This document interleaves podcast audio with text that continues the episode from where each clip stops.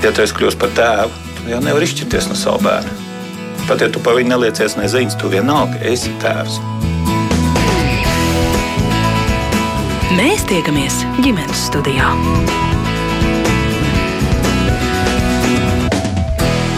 Labdien!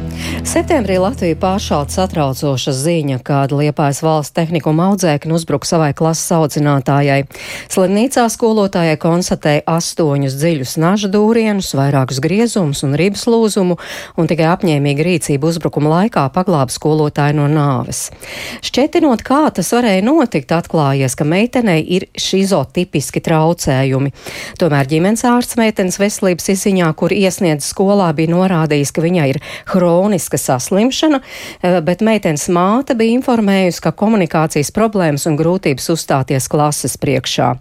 Kaut arī pirms dažiem gadiem māte pati bija piedzīvojusi līdzīgu uzbrukumu no meitas puses, un tas bija iemesls, kāpēc pusaudz kādu laiku mācījusies mājmācībām. Šis, protams, ir ārkārtas gadījums, bet tas liek uzdot jautājumu, vai bērnu veselības stāvoklis var būt noslēpums skolā. Uh, uz šo jautājumu mēģināšu rastāt bildi kopā ar studijas viešņām. Autisma apvienības vadītāja, arī uzvedība LV veidotāja Līgu Bērziņu. Labdien! Labdien studijā! Labdien arī Ilzei! Ilze ir mamma bērnam ar īpašām vajadzībām un arī uh, skolotāja. Šobrīd ne, bet nu katrā ziņā jums ir tāda pieredze. Labdien! Jā, es esmu bijusi desmit gadus skolotāja, arī klases audzinātāja līdz meitu piedzimšanai.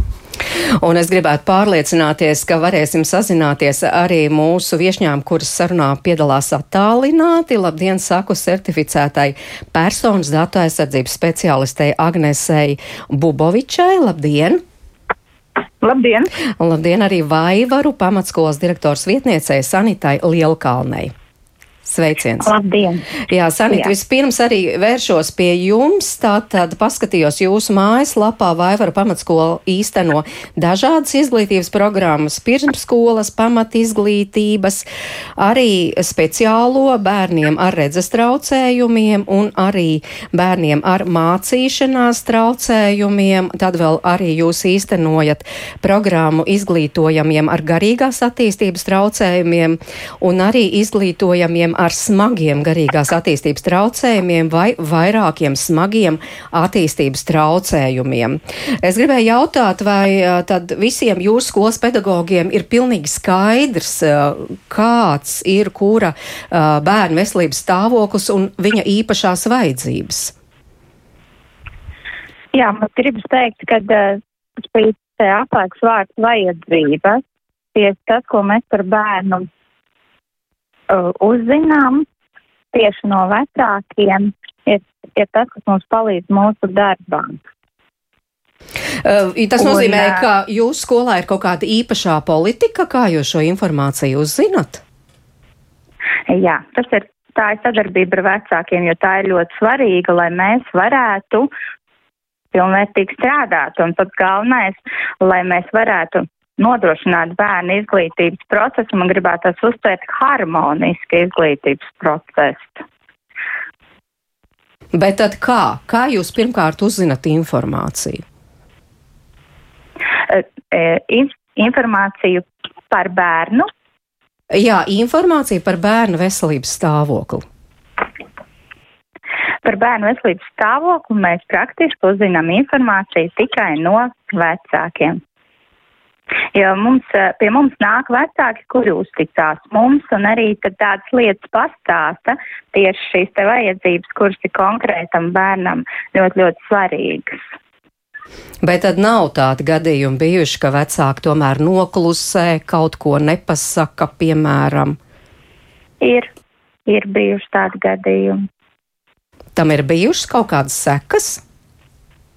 Uh, nu, Nav drausmīgas sekas bijušas, noteikti nē, jo mums nav tādi gadījumi, kad īpaši noklusē vecāki, bet, eh, bet sekas ir, un tas arī ir mūsu tā, nu, procesā pierādījies, ka mēs ļoti daudz sarunas vedam ar vecākiem. Vecāki zina, ja vecāks vecākam nodod informāciju, pilsēta nav liela.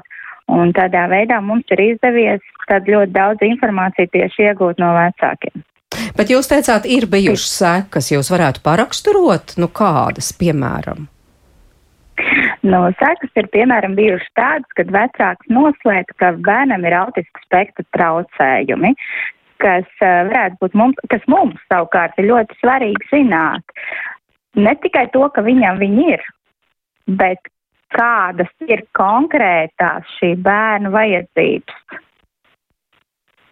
Ja tas atvieglot mūsu darbu, būtu ļoti veiksmīga šī sadarbība un arī, protams, veiksmīgāks un traujāks mācību process.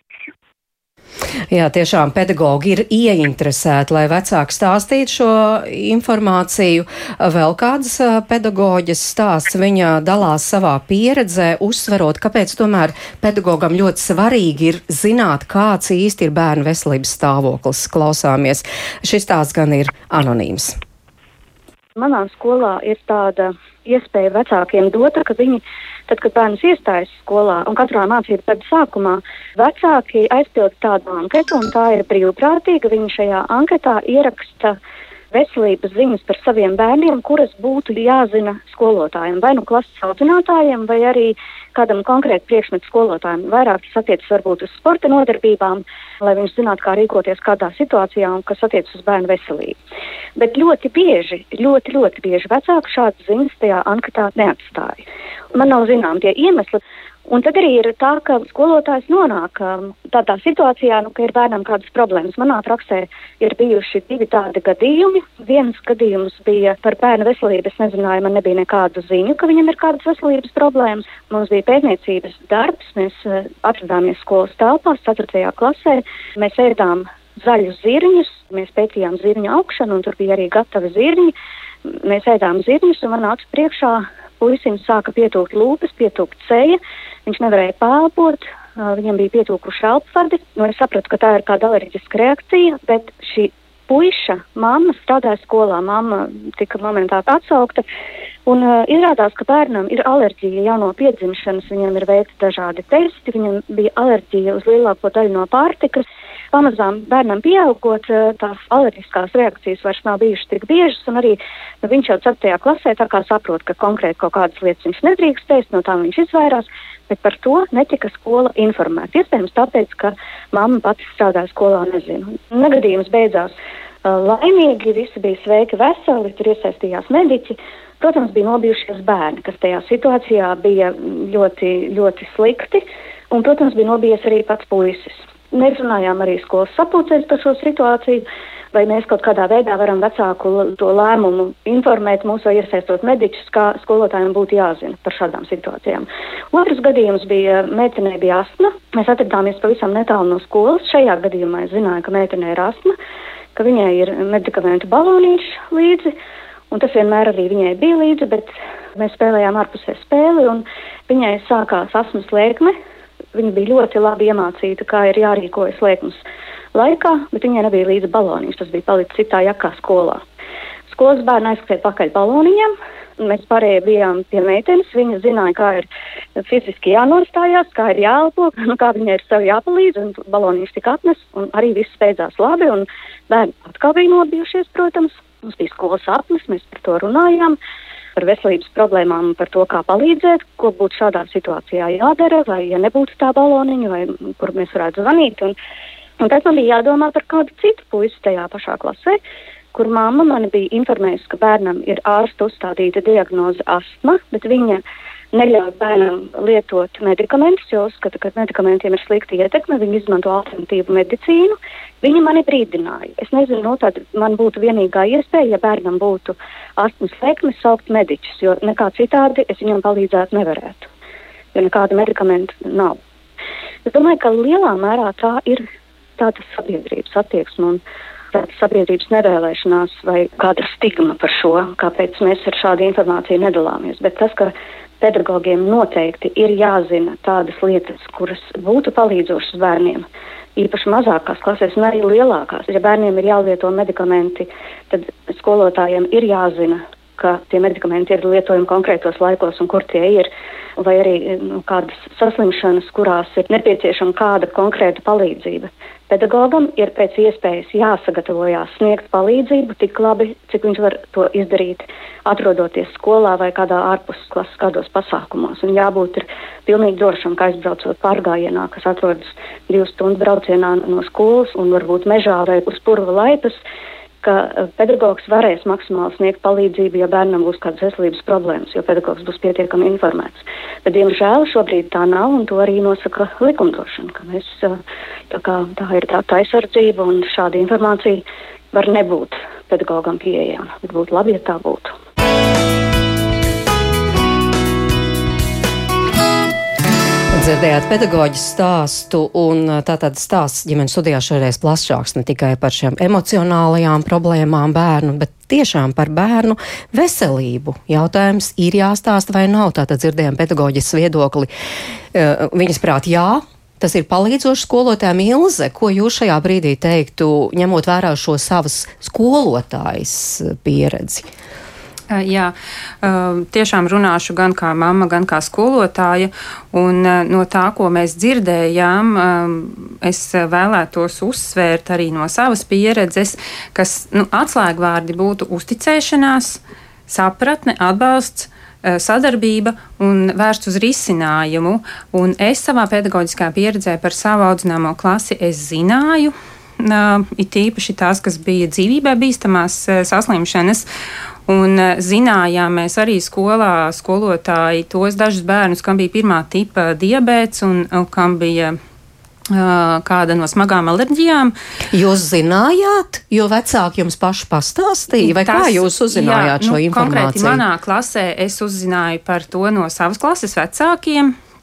Un eh, šo informāciju arī patiešām savāca parasti iestājoties skolā. Tā tika aktualizēta, un es domāju, ka arī mm, nu, ka tā dalīšanās ar informāciju bija iespējama tāpēc, ka eh, kā jau teicu, ir tie atslēgvārdi - uzticēšanās, sapratne, atbalsts un sadarbība. Un no skolas tas bija uh, tāda pretīm nākšana, un arī vecāki līdzīgi nāca pretī, jo nu, par bērnu skolā var parūpēties labi tad, ja sadarbojas abi divi, gan skola, gan vecāki. Bet, ja nesaņem šo atbalstu un sapratni, tad nav arī šīs uzticēšanās, un es zinu, ka patiešām arī noklusē arī tālāk manā dzīvē, ko es esmu sastapusi, citas mammas vai mācoties uzvedības analīzi, es zinu, ka izvēlas noklusēt Bet ja, bet, ja jūs tagad runājat kā mamma, kuras bērnam arī ir īpašas vajadzības, um, tad kā jūs izvēlaties noklusēt vai stāstīt?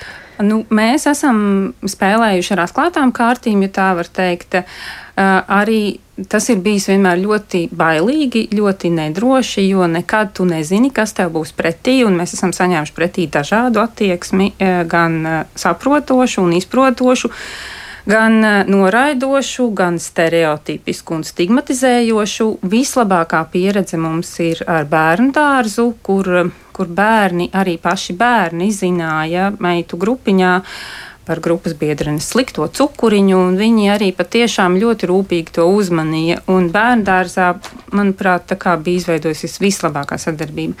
Kāpēc es aizgāju un at, atklāti runāju arī skolā? Uh, man savā ziņā bija vieglāk, jo es devos uz skolu, kurā es biju strādājusi.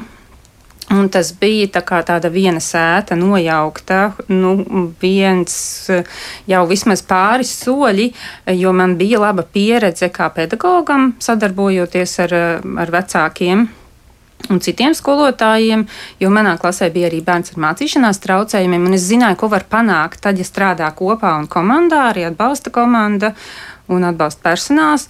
Un eh, tāpēc mēs riskējām, bet uh, ir mainījušies skolotāji, un es skolā esmu sastapusi ļoti eh, neviennozīmīgi dažādu. Lielākoties tomēr ar izpratni no skolas pašas puses, bet pedagogiem ir bijis ļoti dažāda attieksme, man kā mammai ir bijis jāraud. Jā, nu dažādi te arī, piemēram, uz klausītāju jau iesaistās sarunā un tiešām laipni aicināt arī rakstīt, jo droši vien jums arī ir savs viedoklis, kā tad ir īpaši tiem vecākiem, kur bērniem ir kādas problēmas ar veselību teikt, neteikt un, un kāds ir pēc tam tas iznākums. Līga, jūs tā kā pārstāvat droši vien plašāku uh, vecāku loku un dzirdat šos stāstus klausoties šajos vecākos, kā jums šķiet, vai vispār var tā viennozīmīgi e, nu, piekrist pedagoģijai, nu tad stāstam. Tiešām vecāki mīļie stāstam, tas būs labāk jūsu bērnam. Te ir nu, tā lielā maģija ir tajā, ko mēs ar to informāciju darām tālāk. Un tas spēks parādās, vai tas vājums parādās tajā, ka bieži vien, tad, kad vecāki dodas uz skolu, viņi vai nu jau zina kādus scenārijus, kas ir notikuši citiem, piemēram, ka vecāki ir pateikuši, ka bērnam ir kāda, kāda diagnoze, un tas ir beidzies ar to, ka skola atzvana, piedodiet, mums nav vietas, jums ir vajadzīgas mazākas klases, vai arī nu, ir bijuši arī tādi ļoti, ļoti, ļoti asi gadījumi, kad arī no skolas administrācija pasaka, mēs darīsim visu iespējamo, lai tas bērns šajā skolā nemācītos.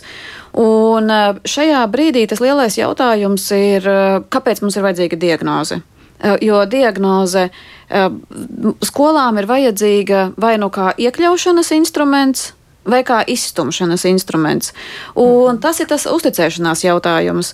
Un ja vecākiem būs kaut mazākā nojausma, tādi mazākie signāli, ka, ka tur pastāv risks, ka pasakot atklāti, spēlējot atklātām kārtīm, bērnam tiks liekta iespēja mācīties, viņi var mēģināt spēlēt droši, un tad mēs redzam šos, šos, šos gadījumus skolā, kad, kad, kad uzvedības problēmas ir lielas, un vecāki saka, jā, bet mājās viss ir kārtībā, un, un, un un, un, un vecāki tikai pamazām, pamazām, pamazām.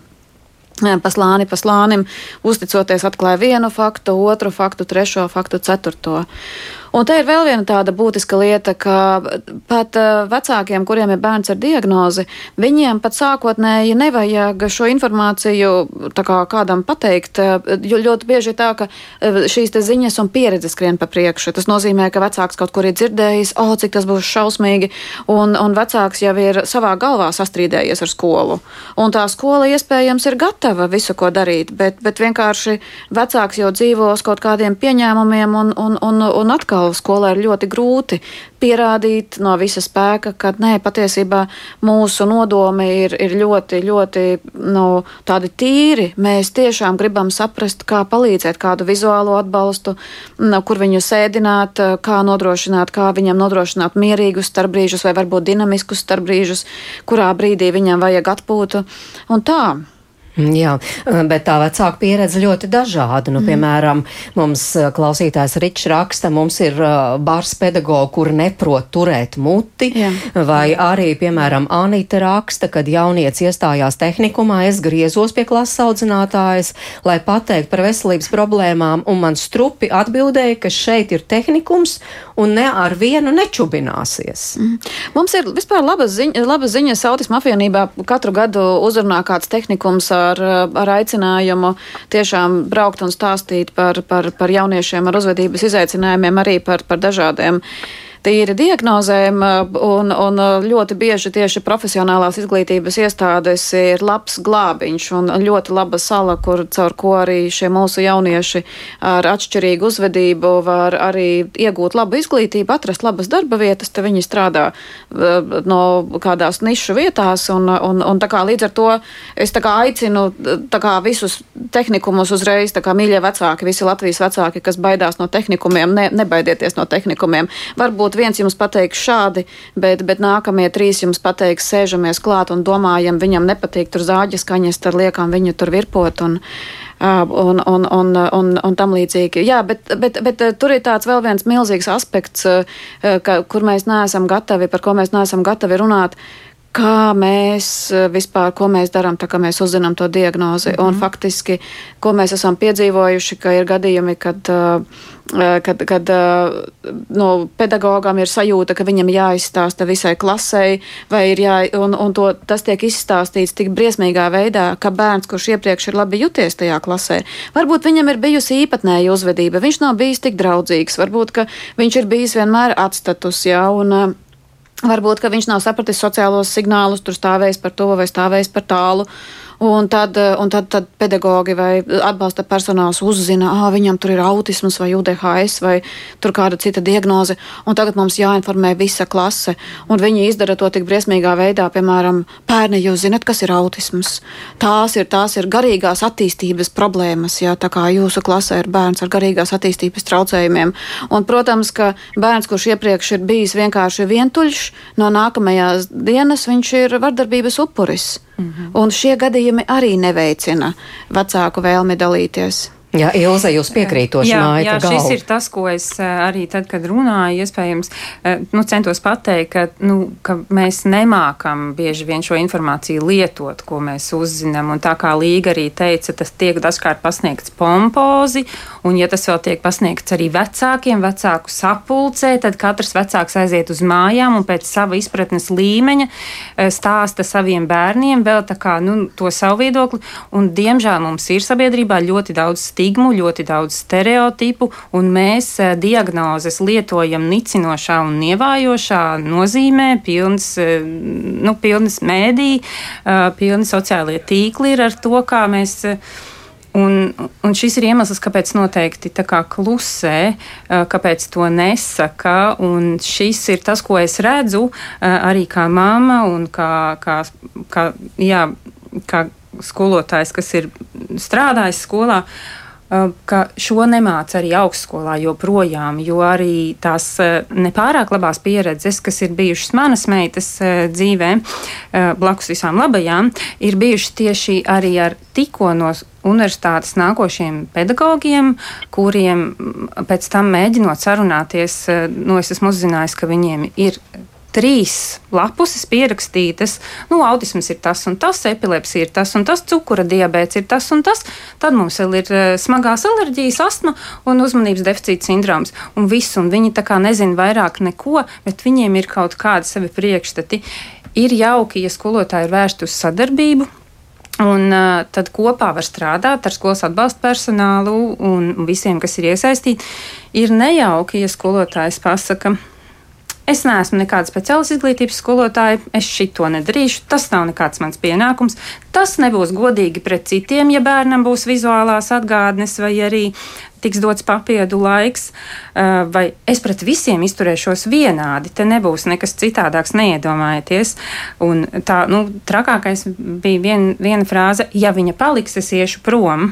Nu, un tad attiecīgi nu, es vēlreiz atkārtoju, no skolas mēs esam saņēmuši pretīm nākšanu un sadarbību, bet tas, ko es esmu piedzīvojusi individuāli kā mamma, arī tas, tu esi tikai mamma. Vai nu, manam vīram arī ir esi tikai, nu, jūs esat tikai tētis, jūs neko nezināt. Uh, Bet mēs abi esam ar pedagoģisku izglītību un pedagoģisko pieredzi. Un patiesībā šis ir bijis iemesls, kāpēc mēs arī esam centušies spēlēt ar atklātām kārtīm, tāpēc, ka mēs zinām, kā tas var palīdzēt. Jo diagnoze jau nav tāpēc, lai kādu stigmatizētu un kādu ieliktu rāmītī, bet tas ir tāpēc, lai kopīgi uh, palīdzētu palīdzēt, lai atrastu metodas un ieteikumus un paņēmienus, kā to procesu visiem padarīt vieglāku un ērtāku. Jā, nu mēs mēģinājām ieskicēt, tā situācija tiešām ir ļoti duāla un grūti tā pateikt, jā, noteikti jāsaka, jo, jo mēs dzirdam, kāpēc arī vecāki to nedara. Gribu jautāt uh, datu aizsardzības speciālistei Agnesei Bobovičai, uh, ko īsti saka likums? Tad tā ir tikai un vienīgi labā vecāku griba vai labā ģimenes ārsta griba vai, vai labā, m, piemēram, skolas medicīnas māc, māsas griba par to informēt, vai, vai tomēr te lielāku nozīmi, ja skatās uh, no likumdošanas viedokļa spēlē šī datu datu aizsardzība? Mm.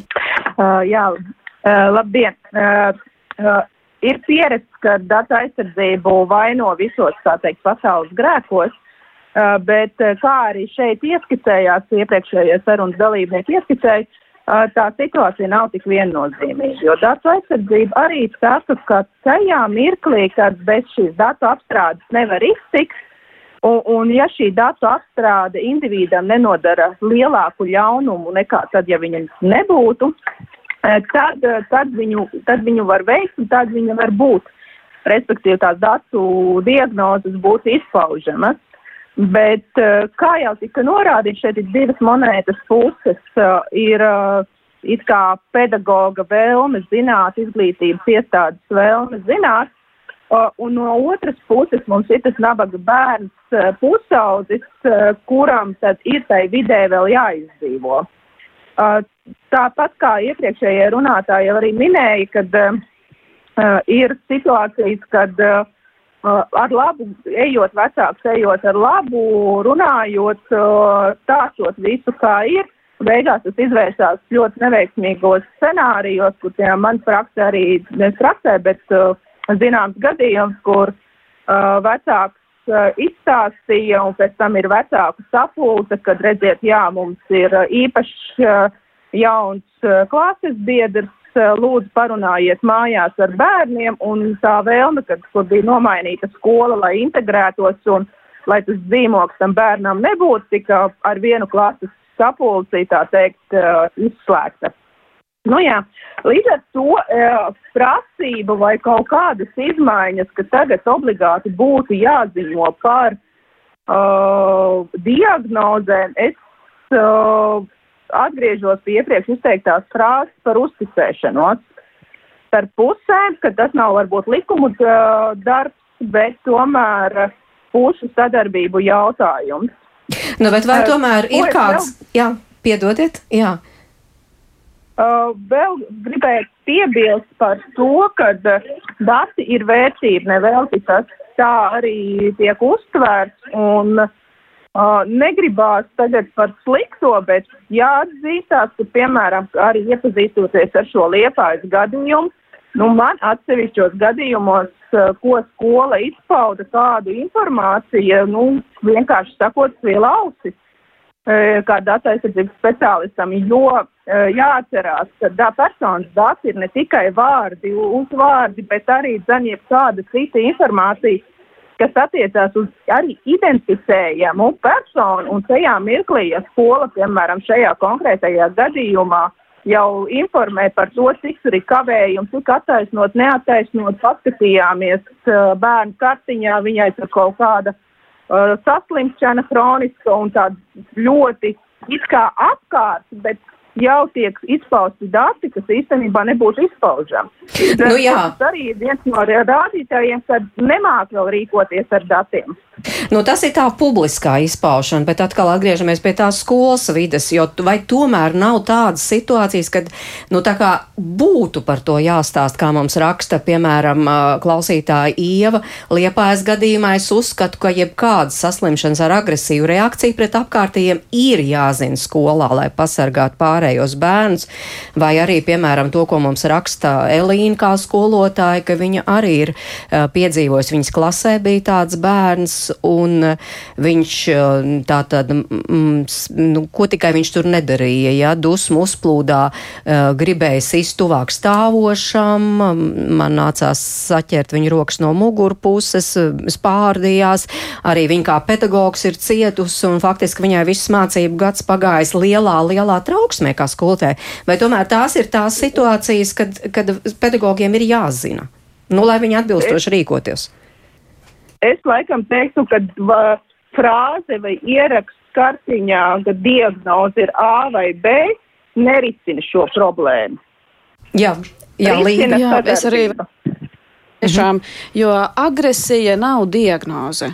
Uh, un mums ir, uh, kā uz planētas, ir tūkstošiem un miljoniem cilvēku ar šizotipiskiem traucējumiem, kuri nekad nav bijuši agresīvi un nekad nebūs agresīvi. Un, un šī te, uh, un agresija vienmēr ir ierosinātāja, un šī ierosinātāja ir arī vide. Ja, un nākamais cienītie pedagogi, mums ir jārēķinās, ka ne tikai bērni, bet mums arī Latvijā ir simtiem pedagogi ar šizotipiskiem traucējumiem un mm -hmm. citām mentālās veselības problēmām. Un šajā brīdī, ja mēs sākam runāt par diagnozēm, tad arī ņemot vērā to, ka agresīva ir ne tikai bērni, mēs zinām, cik milzīga ir agresija, tā kā faktiski pedagoģa agresija pret bērniem. Un tad šajā brīdī tad mēs kā vecāki varētu prasīt, nu tad tiešām spēlējam atvērtām kārtīm, un tad arī vecāku tiesības ir zināt, tad, kuras, kuriem pedagogiem ir nu, līdzīgas problēmas. Un, un līdz ar to mēs varam šādā veidā nonākt absurdā. Faktiski, jo tāpēc, tas, tas novedīs vēl pie lielākas izslēgšanas, un tas novedīs pie vēl lielāka, faktiski lielākas vardarbības un agresijas. Jo, ja mēs skatāmies kaut vai uz šādu pašu agresīvu uzvedību, nu, mēs redzam, piemēram, bērns, bērns ir palicis agresīvs. Agresīvai uzvedībai ir 12 iemesli. Jā, viņš var būt agresīvs, tāpēc, ka viņš nav paēdis, viņš var būt agresīvs, tāpēc, ka viņu kāds neredzami visu laiku ir kaitinājis, viņš var būt agresīvs, tāpēc, ka viņš cieš šausmīgas sāpes un viņš vienkārši nevar pastāstīt, ka, ka, ka viņam sāp, piemēram, vēders un viņam ir kuņģa čūla. Viņš agresīvs var būt tikai tāpēc, ka viņš ir, piemēram, braucis ilgi transportā un viņš vienkārši, viņam ir milzīga sensorā pārslodze Un tur faktiski tur var būt milzīgi daudz iemesli, kāpēc uh, tas bērns konkrētajā brīdī rīkojas tieši tā. Un, un attiecīgi ir agresīvi cilvēki bez diagnozes, un ir cilvēki ar diagnozi, kuri nav agresīvi un nekad nebūs agresīvi. Mm -hmm, bet, nu, tomēr zinot, nu, piemēram, ka bērnam ir kuģa čūla, kā jūs teicāt, un ka tas varētu tā, tā beigties, ja? varbūt tomēr labāk ir zināt. Prot, jā, nu, tas ir faktiski, protams, ka ja mēs zinām to, ka, piemēram, ja bērns ir agresīvs, jo tāpēc, ka viņam ir, piemēram, paaugstināts jutīgums pret troksni, jo, jo, jo, ko mēs parasti redzam, mēs redzam, nu, uzvedību, mēs redzam, piemēram, bērns spiež austiņas ciet, ja? un viņš var spiest austiņas ciet, tāpēc, ka viņam sāp ausis, ausis. Viņš var spiest austiņas ciet, tāpēc, ka viņam ir eh, no sensorā pārslodze. Viņš var spiest austiņas ciet, tāpēc, ka viņam ir absolūtā muzikālā dzirde un viņš vienkārši nevar izturēt to, kas notiek stundā. Un līdz ar to šajā brīdī atkal uh, diagnoze var kaut ko pateikt, bet ļoti maz, jo tāpēc, ka uh, viss būtiskākais ir šīs te pedagoģiskās intervences. Jā, un tas ir tas, kā arī Ziemeļvalstu pieredze, ko viņi dara. Viņi neprasa diagnozes, un viņi ļoti bieži bieži bērniem vispār atsakās no diagnožu uzstādīšanas kā tādas, jo, jo viņi balstās uz to, ka katrā vidē bērniem, arī pieaugušajiem, ir noteiktas speciālās vajadzības, ka ir bērni, kas nogurs ļoti ātri, ir bērni, kuriem ir grūti koncentrēties. Un ko mēs šajā brīdī varam darīt ar vidi? Kā mēs varam sakārtot to vidi, lai viņš varētu parādīt savus talantus un mazināt uzvedības mm. problēmas. Jā, starp citu, Sanita Lielkalni, jūs, manuprāt, pašā raidījuma sākumā šo uzsvērāt. Svarīgākais ir tātad saprast šīs vajadzības, mm. nevis diagnozi. Manuprāt, jūs arī tā teicāt. Jā, nu tas, tas ir mūsu darba instruments. Mēs ļoti daudz strādājam ar vecākiem.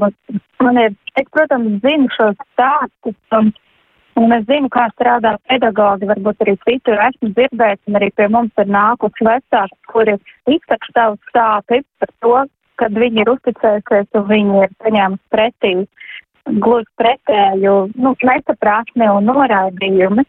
Tad um, tas mūsu darbs un pedagogiem ir jāmainās. Mums ir uh, vieta visiem būt, visiem būt sabiedrībā, visiem būt saprastiem un visiem mācīties skolā.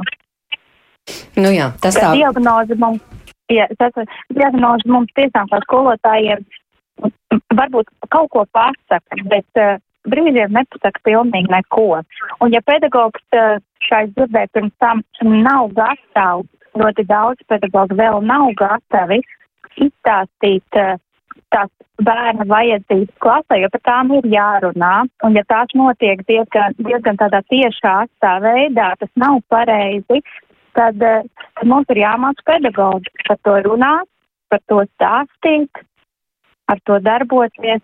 Un vecākiem, jā, protams, vecākiem ir šī uzticēšanās un vajadzību izstāstīšana šai skolai konkrēti skolotājiem. Jā, pedagogiem jāmācās, un kā mēs te dzirdējām, bet dažādu viedokļu sabiedrībā, piemēram, Latvijā Jānis raksta, būtu jābūt speciālām skolām vai vismaz klasēm, kurās strādā apmācīt pedagogu darbā ar bērniem, kuriem nedara standarta sistēma, bet tā sen vairs nav. Tā vairs nav, un, un uh, tie vecāki, kur bērni mācās, kuriem ir īpašas vajadzības, bet viņi mācās skolās. Uh, nu, viņi tad tiešām rīkojas, kā rīkojas. Un, piemēram, septiņu bērnu mamma Ivita Krēvica, viņa audzina četrus savus bērnus un trīs auģu bērnus. Un viņa stāsta, ka diviem auģu bērniem ir īpašas vajadzības, bet viņi to neslēp ne no skolotājiem, ne no citu bērnu vecākiem. Kāpēc? Lūk, Ivits stāsts. Man ir divi auģu bērniņi ģimenē. Vienam ir uh, autiska spektra traucējumi, un otram ir gan autisms, gan arī vidēji smaga garīga atpalicība. Par cik tās ir man zināmas, uh, var teikt, lauku mazās skolas, kur ir pazīstami skolotāji. Es ļoti atklāti iepriekš gan ar direktori, gan ar skolotājām izrunāju par bērnu diagnozēm, un te laikam ir tā, ka nav tik būtiski tas diagnozes nosaukums varbūt un, un diagnozes kods, bet kā reālās bērna attīstības uzvedības īpatnības, par tām tika ļoti atklāti viss izrunāts. Arī tās lietas, kuras varbūt vecākam negribās atzīt, teiksim, varbūt ir uzmanības deficīts, ir nepaklausīgs, mēdz būt spītīgs vai mēdz būt kādreiz agresīvs. Tomēr godīgi izrunājot šīs lietas ar skolotājiem, viņiem daudz vieglāk ir to bērnu saprast un ar viņu tikt galā un strādāt tā, lai gan tas bērns ir ieguvējis skolā, jo ar viņu skolotājs labāk spēja komunicēt. Un otrkārt, skolotāji spēja atpazīt, teiksim, brīdinošās pazīmes, kad varbūt laicīgi ir jāizved bērns uz otru klasi vai laicīgi ir jānovērš kaut kāds strīds, zinot, ka viņš iekarstot dusmās varētu kļūt neadekvāta tā uzvedība. Bet jūs varējāt arī nestāstīt? Varēju nestāstīt, protams, jo šajās, teiksim, ģimenes ārstu veselības izziņās, kas aiziet uz skolu, labākajā gadījumā ir diagnozes kods, bet principā viņš tikpat labi varētu būt arī nenorādīts, ja viņš nav smagā diagnoze jau un neprasās pedmēt komisiju ar īpašu mācību šo te kodu. Bet, nu, man cilvēcīgi pirmkārt ir licies, nu, kā var skolotājs nezināt, ja, teiksim, bērns, nu, viņam komunikācija ir atšķirīga, viņš nevar komunicēt ar skolotāju tā kā parastie bērni. Un otrkārt, arī ar bērniem un bērnu vecākiem, kas klasē mācās, tomēr ir izrunātas šīs te manu auģu bērniņu īpašās uh, vajadzības un īpašā komunikācija un tas, kā viņi uzvedās un visas dīvainās lietas, ko viņi mēdz darīt. Un, ja pārējie bērni un vecāki to saprot, ir daudz vieglāka sadzīvošana klasē. Un rezultātā arī man bērni šobrīd abi divi ir kļuvuši krietni mierīgāki un daudz foršāk un labāk iekļaujās klasē. Kāda bija to citu vecāku reakcija? Un nereti jau tieši citi vecāki saka, mēs negribam, lai šāds bērns ir mūsu klasē, tas traucē mācīties pārējiem bērniem un tam līdzīgi. Uh, jā, man ir bijusi ar vienu mammu tādu, kad uh, viņa man konkrēti acīs nepateica, ka mēs tagad negribam, ka mana jaunkundze mācās šajā klasē, bet viņa ir atzinusi, ka viņai dēlam traucē mācīties un novēršot uzmanību šī mana īpašā meitenīte un viņas uzvedība. Kā mēs to risinājām, īsti jau tā nebija, ka es izņēmu bērnu no skolas, tāpēc, ka vienai mammai nepatīk, bet mēs varējām ar audzinātāju atrast kompromisu, pārsēdzināt bērnus tā, lai viņi nav viens otram blakus, lai viņi klasē pretējos stūros un tiksim, lai tik ļoti nedurās viens otram acīs. Varbūt jums vienkāršāk par šiem jautājumiem runāt, jo jūs esat auģu mamma, nevis mamma. Ja tomēr tie būtu jūsu bērni, vai jūs tik pat viegli varētu komunicēt gan ar skolotājiem, gan ar citiem vecākiem? Man ģimenē vispār ir septiņi bērni, seši no tiem ir skolēni. Un, uh, tieši tāpat arī par saviem bērniem, kad ir bijušas kaut kādas ģimenē problēmas, piemēram, pēc šķiršanās. Uh, bērni ļoti pārdzīvoja, ka tētis aizgāja no ģimenes, un uh, šie te viņa emocionālie pārdzīvojumi arī bijis iemesls, kāpēc esmu griezusies pie klasiskā audzinātājas un runājusi par to, ka bērns šobrīd varētu būt, teiksim, uh, varbūt ne tādā labā omā, vai viņš varētu būt agresīvs, vai viņš varētu būt neizgulējies, vai vēl kaut kāds. Esmu runājusi arī par to, kas attiecās uz saviem bērniem, arī pat uh, ne tikai runājot par īpašajām vajadzībām, bet vispār par bērnu emocionālo stāvokli un viņa, teiksim, pusauģu gados svārstīgajām omām.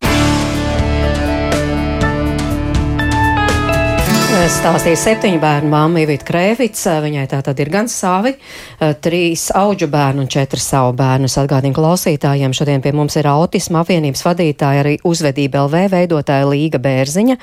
Ir mamma Ilze, kas stāsta par savu mammas un arī pedagoģu pieredzi, eh, un pat tālruni arī certificēta personas datu aizsardzības speciālista Agnese eh, Boboviča un arī Vaivar pamatskolas direktors vietniece Sanita Lielkalne.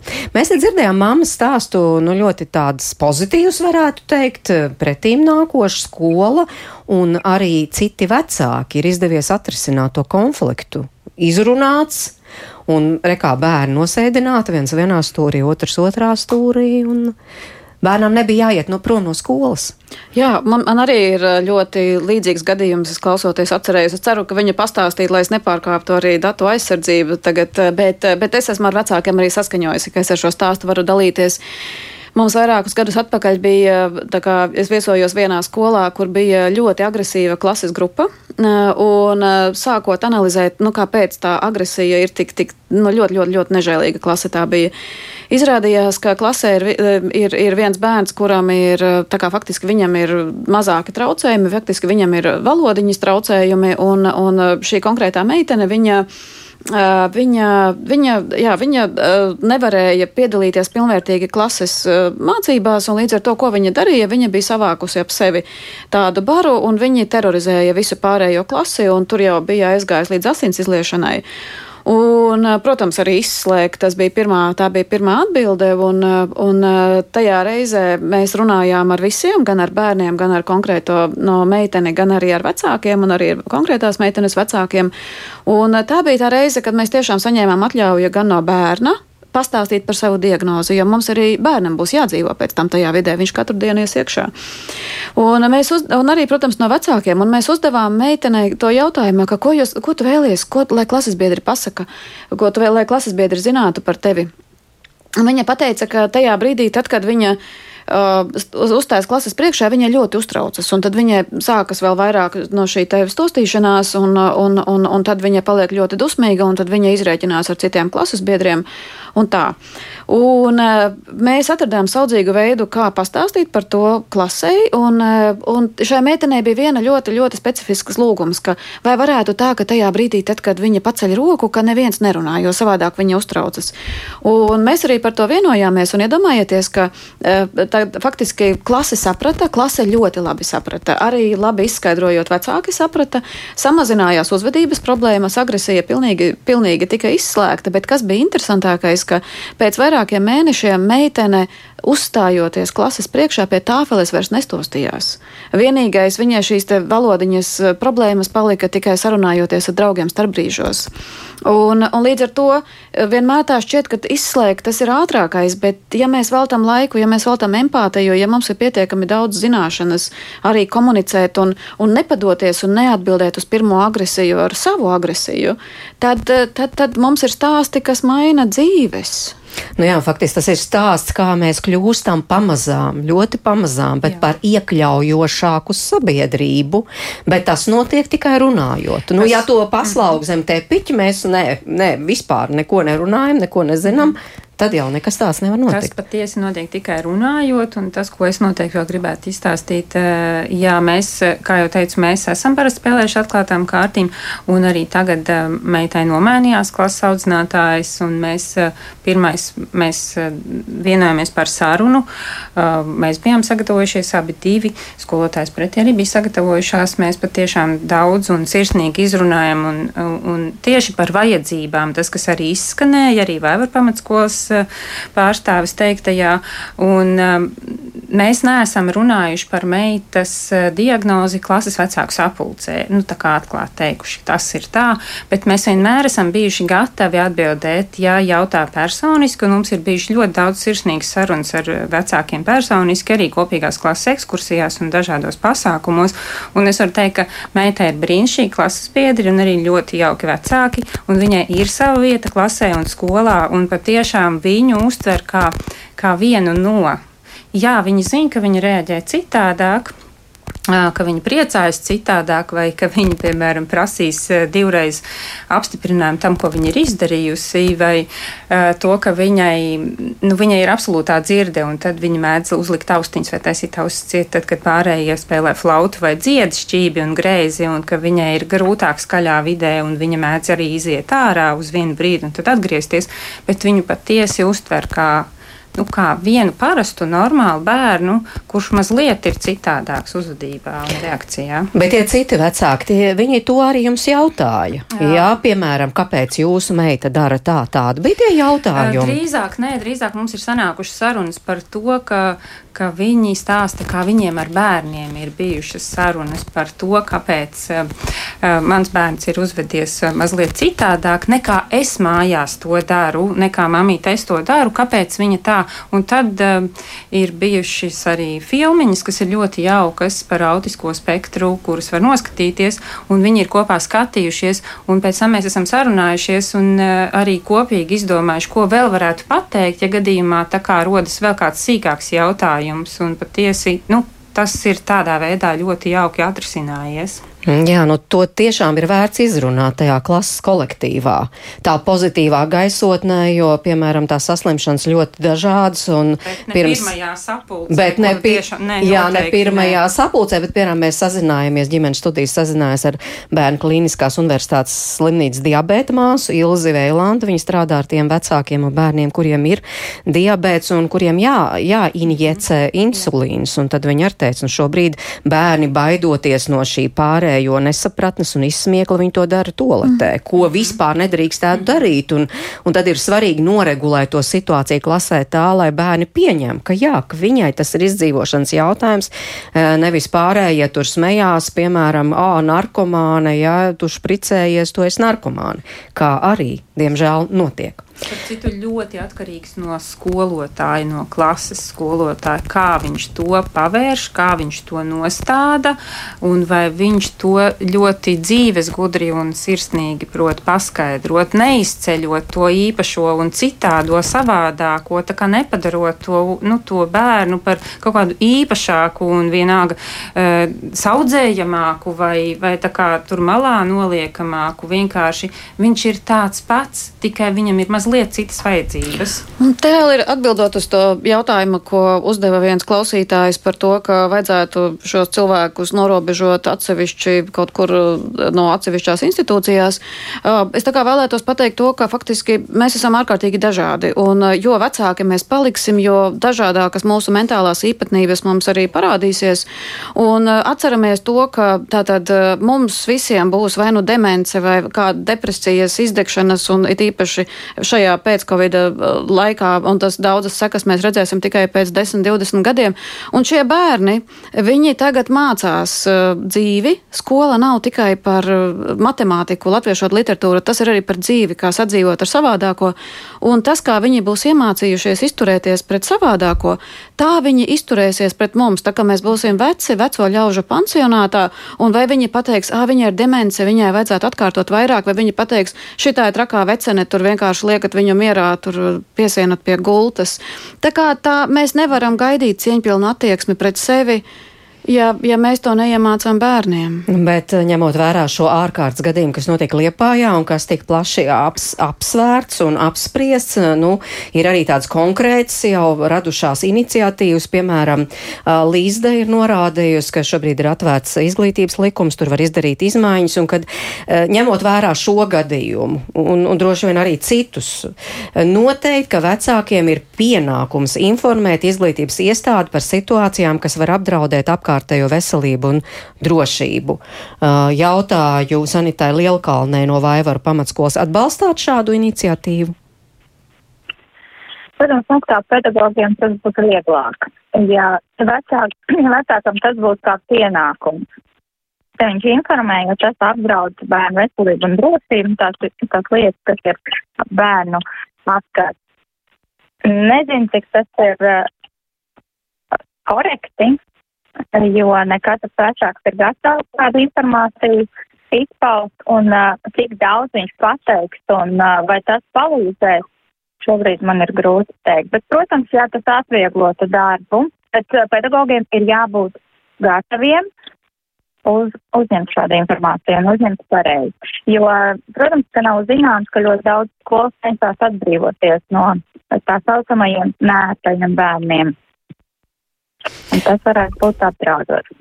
Jā, ko saka datu aizsardzības speciāliste Agnese Boboviča? Šāda mm. iniciatīva atbalstāma, ka tā tiek izstrādāta likumā un vecākiem tas kļūst par pienākumu, nevis par izvēli. Nu, tas ir tāds ļoti filozofisks, uh, filozofisks redakcijas, laikam, šajā mirklī teiktu, uh, jo ko nozīmē apdraud vai neapdraud citus. Ok, vecākam šķiet, ka tas, ka man tam bērnam ir tā slimība, viņš jau neapdraud, viņš nekad nav bijis agresīvs.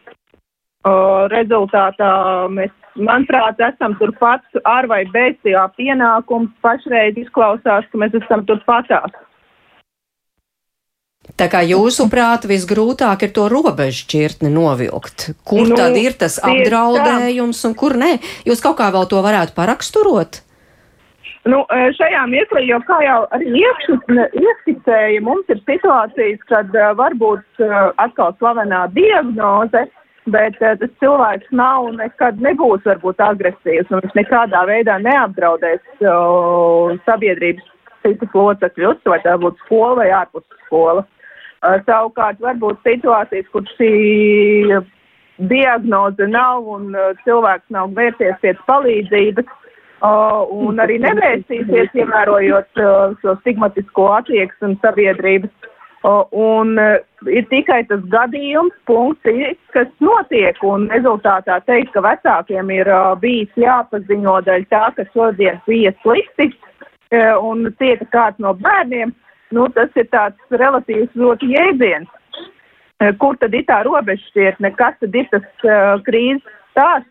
Man gribētos teikt, ka mēs atgriežamies, kā es teicu, pat uh, pie tā paša pašreizējās situācijas, ka skolotājs, uh, pedagogs vēro bērnu, vecāks skatās vēro bērnu, puses sadarbojās un uh, vērtē konkrēto situāciju, vai tā ir ārpus robežām, teiksim tā, kad jau cieši bērni. Vai nav, jo tajā arī izskanēja, piemēram, jā, jā mums stulīt jābeidz. Jā. Viena mm. māma teica, kad aizsēdināja meitu pa diagonāli citā, nu, klase, otrā klasē, jo, redziet, uh, manām bērnam, nu, tāds drīzāk, citam bērnam tas novērsa uzmanību. Nu, tad, ko mēs tagad teiksim, ka tas, ka kāds cits bērns novērš citam bērnam uzmanību, tad tas tevi traucē nu, drošība, agresija vai vēl kaut kas. Jā, paldies, Līga, es jums dodu galvārdu. Jā, paldies. Es, gan jau tas ir būtiskākais, ar ko mēs arī sākām. Nav nozīmes, kā to sauc, ir nozīme, ko ar to dara. Un mums ir jārēķinās, ka ļoti bieži cilvēki paliek agresīvi bezspēcībā. Mm -hmm. Bet tad izmaiņas likumdošanā o, vajag? Nevajag? Nē, es domāju, ka mums jārēķinās, ka tikko kā bija vēlēšanas, un es ļoti ceru, ka tomēr deputāti un arī, arī NVO kļūs fleksiblāki, un mēs tomēr aiziesim runāt par instrumentiem un runāt par reālu palīdzību, nevis atkal Eh, veidot vārdus, kā viņus savirknēt pareizi, lai, lai tā kā pateiktu, ka uz papīra viss ir kārtībā, bet dzīvē patiesībā ciešam mēs visi. Paldies par šo sarunu. Es saku studijas viešņām Līgai Bērziņai, Agnesē Bobovičai, Sanitē Lielkalnei un Ilzei. Paldies arī raidījuma producentei Ilzē Zvaigznai un Katrīnai Brambergai pie skaņu pults. Man sauc Mairidz Noteņu un es aicinu tikties atkal rīt 5 minūtes pār diviem. Mēs runāsim par valsts aizsardzības dienestu. Ehm, tātad pavasarī jau nākamgad iesaugs 500 jauniešu, kas sasnieguši 18 gadu vecumu, vai esam tam gatavi. Par to tātad rīt tiekamies.